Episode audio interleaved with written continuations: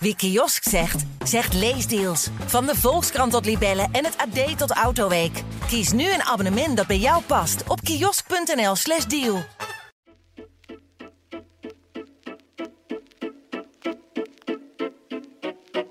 Hallo, dit is Haags Half Uurtje, de politieke podcast van Trouw. Mijn naam is Christophe Smit.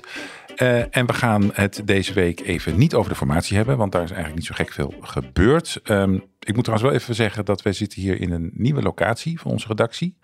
In Hartje Den Haag. Dus misschien dat er nog wat omgevingsgeluiden uh, te horen zijn uh, van de straat of van collega's. waarvoor excuus, maar we gaan het gewoon proberen. Ik zit hier met Auke van Eijsten, collega. Welkom. Dank. Um, waar gaan we het wel over hebben, als we het niet over de formatie gaan hebben? Over de christelijke partijen en de teloorgang daarvan. Zo mogen we toch wel zeggen. Want CDA, ChristenUnie en SGP hebben een historisch aantal historisch laag aantal zetels behaald, 11 zetels. Uh, afgelopen week is de tweede, nieuwe Tweede Kamer geïnstalleerd. Uh, we zijn er allebei een beetje bij geweest, rondgelopen, et cetera. Wat, uh, wat heb jij ervaren van, van die aardverschuiving? Dat lage aantal christelijke zetels. Ja, de aardverschuiving die, zat, die, die voelde je vooral inderdaad bij de PVV. Maar in de marge daarvan viel inderdaad ook wel echt op hoe, hoe weinig zetels die drie christelijke partijen nog over hebben. En eigenlijk vooral hoe weinig zetels het CDA nog over heeft. Het CDA, eh, moet je beseffen, zat in de Tweede Kamer eigenlijk altijd vooraan. Het is een grote strijd altijd om wie vooraan mag zitten in de Tweede Kamer. Want dan kom je op de tv-schermen. En het CDA heeft daar altijd gezeten. Dat plekje, daar hadden ze, hadden ze het logo bijna op kunnen tatoeëren. En nu niet meer. Nu zitten ze ergens halverwege zo'n taartpunt van die grote debatzaal. En dat betekent dat ze niet meer in beeld verschijnen. En ze zijn niet alleen in de debatzaal een beetje uit beeld geraakt, maar inderdaad ook um, uh, gewoon onder de hele bevolking. En dat is eigenlijk wel illustratief voor wat we bij deze verkiezingen hebben gezien voor de hele christelijke politiek. Ook de ChristenUnie en de SGP het waren natuurlijk nooit heel grote partijen, maar bij elkaar hebben ze nu minder zetels dan ooit tevoren. Ja, en dat zegt wel wat. Ja, dat is inderdaad voor het beeld wel goed om te zeggen. Hè. We, we, hebben altijd een CDA-fractieleider eh, in beeld gehad als we de tv aanzetten en er was iets politieks. Maar die zijn nu onzichtbaarder dan ooit. Ja, nu zie je, als je de tv aanzet, zie je vooraan Pieter Omzicht zitten. En dan zullen sommige mensen misschien ook nog even denken CDA.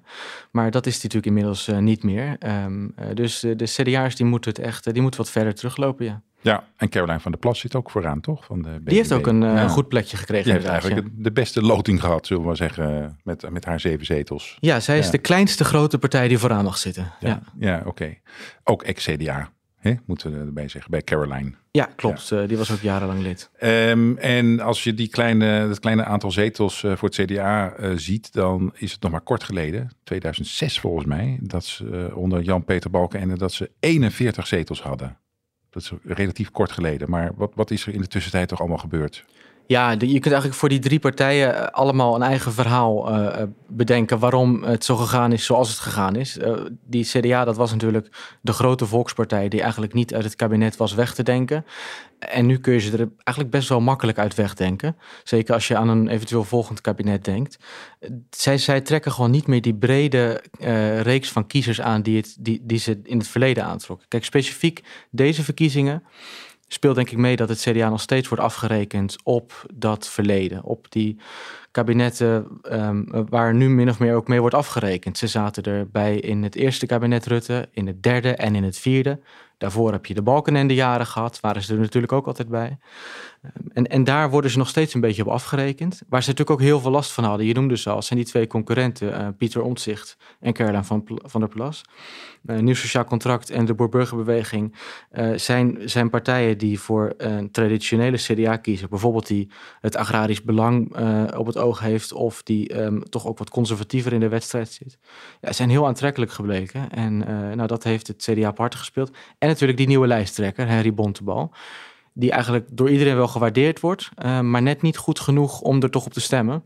Uh, nou, dat heeft geresulteerd in vijf zetels. Ze hadden er vijftien, dus ze hadden nog maar een derde over. Ja. En dat is wel echt een hele nieuwe situatie voor die partijen. Ja, je, je zei al een beetje van, we kunnen eigenlijk die drie partijen niet uh, over één kamp scheren. Hè? We hebben het wel over de teleurgang van de christelijke politiek, maar het zijn drie totaal verschillende partijen, toch?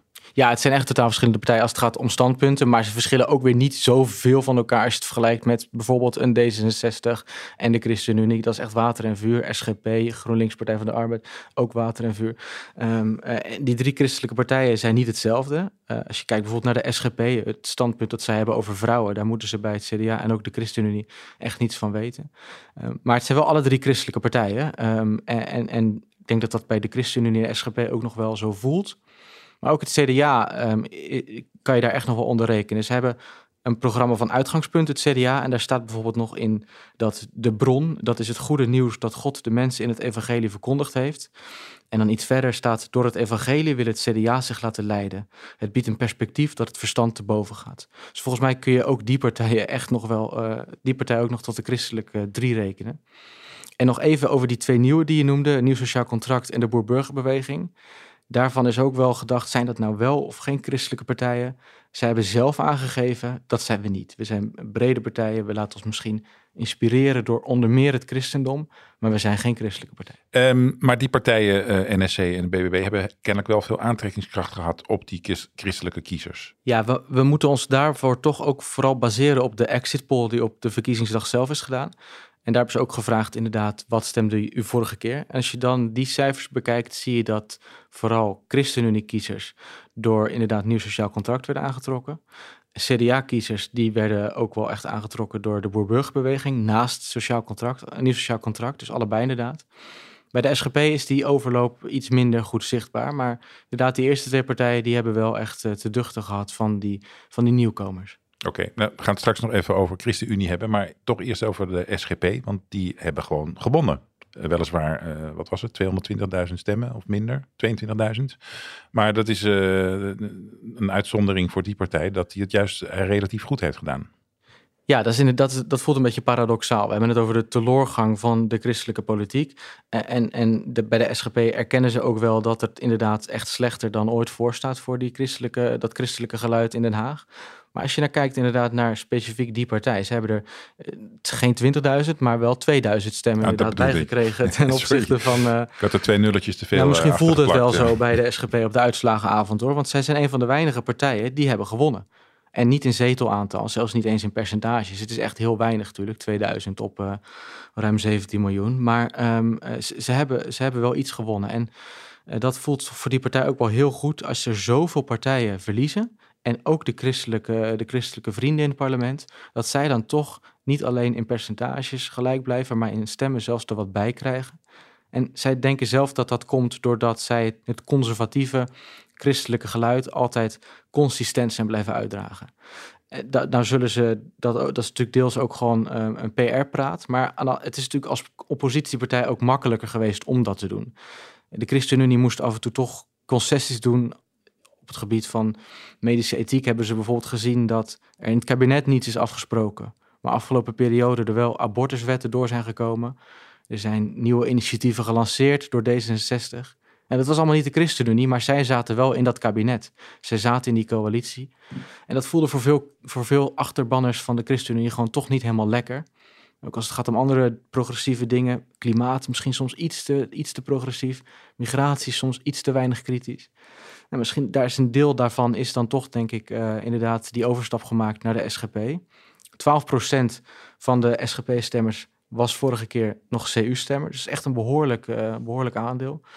Dus ik denk inderdaad dat zij dat, die, die echt conservatieve christen, dat zij daar wel een aantrekkingskracht op hebben gehad. Oké, nou, het is ook voor het eerst toch dat de SGP groter is dan de ChristenUnie, toch? Ja, allebei drie zetels inderdaad, maar zij staan nu in, in absoluut aantal stemmen boven de ChristenUnie. En dat is ook wel echt een uh, even, even wennen. Bijvoorbeeld ook, het, het, maakt niet zo heel veel uit uh, in de dagelijkse praktijk, maar als het gaat om de, de volgorde van sprekers in debatten, krijg je voortaan eerst de, de, de, SGP en daarna pas de ChristenUnie. En ja, dat is toch wel even een, uh, een nieuwe positie voor die ChristenUnie. Dat is even wennen, ja.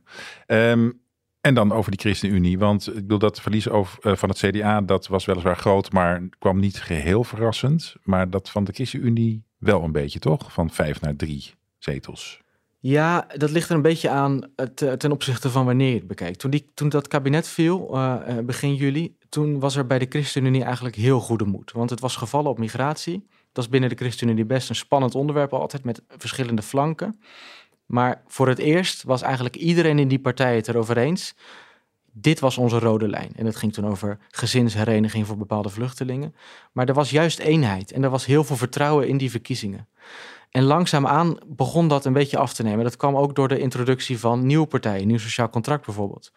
Maar ook verkiezingsthema's. Waar moet je je op profileren in zo'n campagne? De ChristenUnie wil het over zorg gaan hebben. Nou, heb jij het over, heb jij zorgdebatten gezien deze campagne? Heel Niet of- weinig. precies. Dat, ze vonden het heel lastig om er doorheen te komen door het geweld van al die nieuwe gezichten, die grote thema's, bestaanszekerheid. Dat, dat is voor de ChristenUnie van oudsher ook een belangrijk thema. Maar iedereen dacht nu aan Pieter Omtzigt. Klimaat vinden ze altijd belangrijk. Maar iedereen dacht aan Timmermans van GroenLinks PvdA of Rob Jetten van D66. Dus waarom zou je nog op de ChristenUnie stemmen, was voor veel mensen toch een vraag. Dus langzaam zagen ze dat steeds meer aankomen. En steeds gevaarlijker werd ook vooral Pieter Omtzigt. Nieuw, ehm, eh, nieuwe bestuurscultuur wat aanspreekt, maar ook conservatief. Dus hij was ook nog eens voor ChristenUnie-stemmers oké genoeg om je eh, stem in ieder geval één keer aan uit te lenen. Dus ze zagen het aan het einde eigenlijk al wel aankomen. Ik sprak, sprak eh, partijleider Mirjam Bikker de zaterdag voor de verkiezingen. Zij was in Venendaal toen aan het flyeren. En ze ze was toen echt al best wel bevreesd. Ze waarschuwde toen ehm, dat het christelijk geluid in de politiek echt op het spel stond. Eh, nou, je je zag inmiddels die contouren natuurlijk wel, maar als, zeker als je die verkiezingsuitslag zag, had ze dat bij het juiste eind. Want dat is nu natuurlijk gezamenlijk historisch laag. En, en, en ah, ChristenUnie heeft, daar, heeft dat, niet, eh, dat tij niet kunnen keren. Nee, oké. Je noemt Mirjam Bikker. Zij was natuurlijk een van de drie nieuwelingen bij alle drie die partijen. Eh, Bikker, eh, Christoffer en Henry Bontebal. In hoeverre heeft dat nog een rol gespeeld? Dat die nieuwe gezichten gewoon onbekend waren en daardoor onbemind? Ja, aan de ene kant zou je, is, lijkt dat een heel logische conclusie, want ze waren onbekend. Dat zag je ook in de peilingen, dat, dat die, die drie partijleiders zeker aan het begin echt laag scoorden in de bekendheidscijfers. Aan de andere kant, de overgang was denk ik het grootst bij de SGP, waar Kees van der Staaij er eigenlijk al ongeveer duizend jaar in zat. En die had het stokje nu net overgedragen aan Christoffer, vrij onbekend Kamerlid. En juist die partij heeft er stemmen bij gekregen. Dus ik denk dat het, het zal zeker een rol hebben gespeeld, maar blijkbaar niet zo'n grote rol. Dan had de SGP niet gewonnen. Oké, je noemde al wat campagneonderwerpen eh, waar eh, zeker de laatste week die partijen erg mee aan het worstelen waren. Eh, als ik eventjes verder over nadenk, je had over migratie, bestaanszekerheid en ook wel wantrouwen tegen de overheid. Hè. Dat waren wel drie overkoepelende thema's. In hoeverre hebben die christelijke partijen daar misschien de slag verloren van omzicht? Noem ze maar op. Ja, je hebt in de politicologie iets dat, dat issue ownership heet. Dus als je nou aan een onderwerp denkt, aan welke partij of welke persoon denk je dan? En er waren eigenlijk deze verkiezingen geen onderwerpen waarbij mensen aan christelijke partijleiders dachten. Ehm, of geen onderwerpen die belangrijk waren. Eh, bestaanszekerheid noemde ik al, dan dacht je aan Pieter Omtzigt inderdaad. Migratie, dan ging je naar PVV of VVD. Klimaat ging je naar linkse partijen. Um, en het CDA heeft zich toch in debatten waar ze dan af en toe nog wel voor werden uitgenodigd, vooral moeten verdedigen voor het beleid van afgelopen decennia. Of verdedigen tegenover Pieter Omtzigt, die nog steeds natuurlijk veel verwijten heeft richting zijn oude club. De ChristenUnie en de SGP werden vaak niet eens uitgenodigd, omdat zij gewoon kleinere partijen zijn. Dus ja, hoe kom je er dan tussen? Nou, ik denk dat ze op die vraag misschien zelf ook nog steeds geen antwoord hebben. En ze merkten ook dat er bij de media, uh, want ik heb ook campagneleiders gesproken, en, wat zij dan vertelde is, ja, het is ook lastig om er bij de media door te komen. Ze wilden bijvoorbeeld met, met talkshows, wilde de ChristenUnie bijvoorbeeld een, een zorgdebat organiseren. Hè, van, kunnen we het een keer daarover hebben? En dat is dan toch uiteindelijk niet gelukt, omdat alle agenda's vaak al volgeboekt zaten. Dus het is inderdaad de juiste timing, de juiste onderwerpen, maar ook gewoon een beetje geluk. En dat zat ditmaal denk ik ook niet helemaal mee. Ja, en qua zorg moesten ze ook wel concurreren met bijvoorbeeld de Socialistische Partij. Want die was daar ook behoorlijk over aan het, uh, de trom aan het slaan, toch? Ja, nee, ja. dat is natuurlijk voor de SP altijd een, een, thema geweest. Alleen ik denk niet, de, als je nou kijkt van hoe gaan de, de stroming tussen de ChristenUnie en de SP, dat zijn toch wel heel weinig mensen. Dus dat is nooit echt een, een grote concurrent geweest. Maar ook daarop inderdaad um, zijn ze niet eens het enige gezicht. Nee. Was daar ook geen enkele overstap tussen trouwens, tussen ChristenUnie en SP? Of ja hoor, er, was wel een kleine overstap tussen. Als je inderdaad kijkt naar uh, de CU-stemmers in 2021, dan heeft uh, 1% daarvan in 2023, dus afgelopen november, uh, heeft nu op de SP gestemd. Nou ja, goed, daar, daar zit het grote lek niet. Nee, nee, dat is klein, dat is klein. Um, een ander thema eh, is medisch-ethisch. Als we het hebben over abortus, euthanasie, levenseinde, discussies, et, et cetera. Um, het lijkt erop alsof de kiezers daar christelijke kiezers, zeker de jongeren, uh, dat eigenlijk ook minder belangrijk vinden. Klopt dat? Ja, ik denk dat je dat, dat wel kunt zeggen. Ja. We, eh, onze collega's van de redactie Religie en Filosofie hebben ook eh, een aantal deskundigen daarover gesproken. En, en bijvoorbeeld politicoloog Govert Buis. En die ziet inderdaad ook dat die ideologische scheidslijnen van vroeger niet meer op dezelfde manier nu nu geordend zijn. Hè? Dat um, de, de emotie die er bijvoorbeeld bij veel um, kiezers lange tijd is geweest rondom abortus en um, euthanasie, dat, dat je het echt voelt. Dat je het niet alleen iets van vindt, maar dat je er ook echt iets dat, dat hebben jongeren een stuk minder. en dat zie je ook uh, bij politicologen zien dat ook. Die, die nemen eigenlijk waar dat er lange tijd bepaalde uh, je sociale klasse, maar ook je religie eigenlijk vooral op welke partij of welke hoek je ongeveer zou gaan stemmen. En onder jongeren is dat een beetje aan het kantelen naar, nou ja, leeftijd is eigenlijk een veel belangrijkere indicator. Dus een jongere kan een heel andere keuze maken dan zijn ouder, ook als die dezelfde sociale klasse heeft en in dezelfde God gelooft. En dat is natuurlijk wel een verschil. Vroeger stemde je gewoon wat je ouders stemden. Het is gechargeerd, snap ik, maar dat was veel vaker een hele logische no-brainer eigenlijk. Dat deed je gewoon. Um, en ik, ik heb ook die drie partijleiders gesproken van die christelijke partijen. Bijvoorbeeld Mirjam Bikker gaf dit ook echt aan. Ja, dat is zo'n geen, niet meer een automatisme. Dat je die, die kerngroep van vaste christelijke kiezers, die dus vast op christelijke partijen stemmen, zelfs die, die kern ben je een beetje aan het kwijtraken. Je hebt geen ijzeren voorraad meer van in ieder geval een paar zetels. Je moet voor elke stem tegenwoordig vechten. En dat brengt hele nieuwe uitdagingen met zich mee. Ja, behalve misschien toch bij de SGP. Want die, hebben, die lijken nog wel over die harde kern te beschikken. Ja, als je, als je gewoon inderdaad kijkt, drie zetels en nu weer drie zetels, dan zou je zeggen, hey, dat, dat, dat zijn dezelfde mensen. Maar dat is ook niet helemaal zo hoor. Een kwart van de SGP-stemmende 2021 heeft nu niet meer op die partij gestemd. Maar zij hebben ook weer andere kiezers aangetrokken. Bijvoorbeeld die wat conservatievere ChristenUnie-stemmer.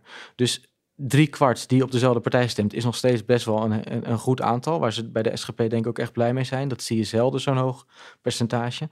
Uh, maar nog steeds uh, is het inderdaad, uh, um, is er een kwart dat gewoon vanuit die groep naar een andere partij trekt. En daar, zijn, daar, zijn, daar zijn nog geen onderzoeken nu naar, naar deze verkiezingen, maar ik, ik durf denk wel te stellen dat die kwart die de SGP stemde en nu niet meer, een deel daarvan zal zijn overleden, maar deel dat een andere partij heeft gestemd, is denk ik niet de, de 50, 60, 70-plusser geweest. Dat zullen toch vooral jongeren zijn. Um, deze woensdag uh, was dus de beëdiging van 150 uh, eh, Kamerleden. We waren er allebei getuigen van. En dan kan de Kamerlid kiezen tussen de eed, zo waarlijk helpt mij God almachtig, of uh, de belofte. dat verklaar en beloof ik, als je niet gelovig bent. Jij hebt geturfd, geloof ik, hoe de verhoudingen tussen die twee waren. Wat, wat was de score? Ja, ik moet, moet de eer nu even geven aan uh, het Nederlands Dagblad en het Reformatorisch Dagblad. Die hebben geturfd. Oh. Um, uh, vorige keer heb ik nog geturfd. En um, uh, het toeval wil dat we op het precies hetzelfde aantal uitkwamen. Dus in 2021 hebben 58 politici um, dat zo waarlijk helpt mij God almachtig gezegd. Dus de eed afgelegd. En nu weer. En dat is natuurlijk wel opvallend. Dus je ziet inderdaad dat zowel de christelijke kiezer, die gaat niet meer automatisch naar christelijke partijen, maar kan ook uit andere kiezen. En de christelijke politicus, die gaat dus ook niet meer automatisch naar christelijke partijen. Um, je zag dat vorige keer ook al een beetje met Sigrid Kaag van D66. Een katholieke partijleider die niet bij een christelijke partij zat. Nou, je ziet dat nu weer. Frans Timmermans heeft katholieke uh, wortels. Uh, die, stemde, die, die legde bijvoorbeeld ook um, uh, de eet af.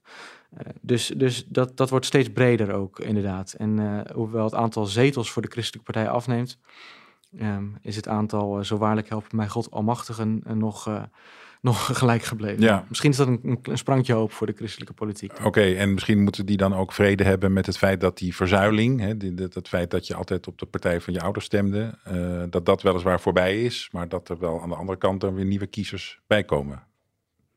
Ja, ik, ik, kan me niet, ik kan me voorstellen dat je uh, als CDA of uh, ChristenUnie uh, politicus ook weer niet heel veel hoop put uit het feit dat andere Kamerleden de eten hebben afgelegd. Je wil die zetels natuurlijk gewoon vooral zelf hebben. Um, dus uh, zij zullen daar zelf, uh, uh, dat zal zelf maar een heel klein zilverrandje zijn op een toch rauwe uitslag. Maar inderdaad, het, het, christelijk geluid is niet uit de politiek verdwenen, al was het maar bij de eetaflegging. Toch zie je dat, dat die cijfers liegen er ook gewoon echt niet om. Dat, je kunt niet die elf zetels die ze nu hebben via omwegen toch weer omhoog praten naar die 50 nee. zetels van een anderhalf decennium geleden. Oké, eh, we gaan ze niet omhoog praten, maar die partijen zelf zullen misschien nu al wel nadenken uh, over de vraag uh, hoe gaan we ons opstellen in die Tweede Kamer. Na die beëdiging hebben wij, er was een soort theekransje daar, konden we wij daar zelf een beetje in die plenaire zaal rondscharrelen en met mensen praten. wat denk jij dat die christelijke partijen, die drie, nu gaan doen? hoe gaan ze zich opstellen in die nieuwe Tweede Kamer? Nou, dat, dat is wel echt opvallend. Dat je dus echt een historisch dieptepunt hebt en dat je toch volgens mij best wel oprecht optimisme ook ziet. Bij het CDA zit dat optimisme erin dat ze net een nieuwe leider hebben over wie eigenlijk iedereen enthousiast is. En ze hopen dat die, die, die dat, dat sympathie voor Harry Bontebal, dat die um, uh, zich of komende jaren gaat vertalen in ook daadwerkelijk uh, meer stemmen, meer zetels. Ze zijn nu echt vanaf de grond af aan weer aan het opbouwen. Er is een hele oude garde die afscheid heeft genomen. Hoekstra weg. Dus zij hopen echt dat ze vanaf hier kunnen gaan bouwen. Om uiteindelijk toch weer in ieder geval een veel grotere partij te worden. En misschien ook wel weer echt kans te maken op ooit de grootste te worden. Maar in ieder geval eh, is, is, is dat optimisme is dat bij het CDA nog rijkelijk aanwezig. En ook bij de ChristenUnie. Die denken ook van, joh, we hebben in een coalitie gezeten. Daar worden we nu misschien op afgestraft. Net een nieuwe partijleider. Dat is misschien nog heeft meegespeeld heel veel nieuwe eh, gezichten die veel zetels uh, kregen. Dat, dat zal niet elke keer zo zijn. Er is veel strategisch gestemd, dat is ook wel wat minder. Zij zien al een cocktail aan factoren waardoor ze deze uitslag verklaren en ook toch weer wat hoop koesteren voor de toekomst. Nou, de SGP, ja, die gaat, die gaat over 100 jaar nog drie zetels scoren. exact, ja. En de ChristenUnie en CDA hebben nu natuurlijk als nieuwigheid, om het zo maar te zeggen, na zes jaar regeren, uh, dat ze nu in de oppositie zitten, meer vrij uit kunnen praten. Uh, zal ze daar ook nog, uh, zullen ze daar ook nog voordeel van hebben? Nou, ze zitten natuurlijk nog niet in de oppositie, maar daar sturen ze wel um, op volle kracht op aan. Ja, inderdaad. Ziet er wel naar uit. Dat, dat, ja. dat vermoed ik wel, inderdaad. ik denk dat dat voor de ChristenUnie niet eens het verschil gaat maken, omdat Gert-Jan Segers, de vorige partijleider, ook gewoon in de Tweede Kamer zat. Dus die zat niet in het kabinet. Dus die kon ook gewoon in de Tweede Kamer zeggen wat hij vond. Um, en uh, voor het CDA is dat denk ik een grote verschil. Daar had je Hoekstra, die was partijleider en vicepremier. En die, ja, die zei toch al niet heel veel, uh, maar zeker in zijn kabinetsfunctie niet. En nu heb je Henry Bontebal, die uh, echt heeft verklaard dat hij onder geen beding in het kabinet gaat zitten. Zelfs niet als die partij toch in de coalitie komt. Dus die blijft ook in de Kamer en die kan ook daar dat onvervalst CDA-geluid laten horen. Eh, ja, dat is, in, dat is gewoon echt wel een, een mooi podium om aan die toekomst te gaan werken. Veel beter dan in zo'n uh, in zo'n kabinet. Ja, en voor de verkiezingen had Bontebal de uitstraling van... we moeten weer terug naar het uh, authentieke CDA, uh, terug naar de original of zoiets, zei hij. Denk je dat dat een succesvolle strategie is? Gewoon terug naar de basics?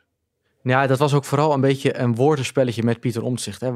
Wat is nou het nieuwe CDA? Is dat de nieuwe garde binnen het CDA? Of is dat Pieter Omtzigt, die is afgesplitst van het CDA. Ik denk dat ze bij het CDA stiekem wel een beetje op hopen dat het met Omtzigt en zijn partij niet alleen maar soepel verloopt. Als, het, als, het, als die partij ineens zou storten, hypothetisch, dan gaan heel veel van die zeteltjes waarschijnlijk gewoon weer terug naar het CDA. Als die partij gaat groeien, dan wordt het voor het CDA heel lastig om ergens anders nog al die stemmen vandaan te plukken. Dus dat is ook wel een beetje inderdaad uh, in spanning afwachten wat Pieter Omtzigt gaat doen het is natuurlijk lastig voorspellen hoe, hoe, hoe, dat precies gaat gebeuren. Gaat hij in het kabinet zitten? Met welke partijen? Hoe gaan ze zich daar opstellen? Welke compromissen moeten ze doen? Maar het CDA heeft in ieder geval wel die luxe positie om gewoon eventjes achterover te leunen, in de Tweede Kamer te zitten en te kijken hoe het allemaal zich uh, gaat afspelen. En vanuit daar gewoon hun eigen partij weer gaan opbouwen. Oké, okay, we laten het hierbij. Dankjewel voor je uitleg. Ja, graag gedaan, Christophe. En dit was Haags half uurtje voor deze week. Um, deze aflevering is gemaakt door Hanne van der Wurf, Michael Royal en George Paul Henneberken. Uh, en tot de volgende keer.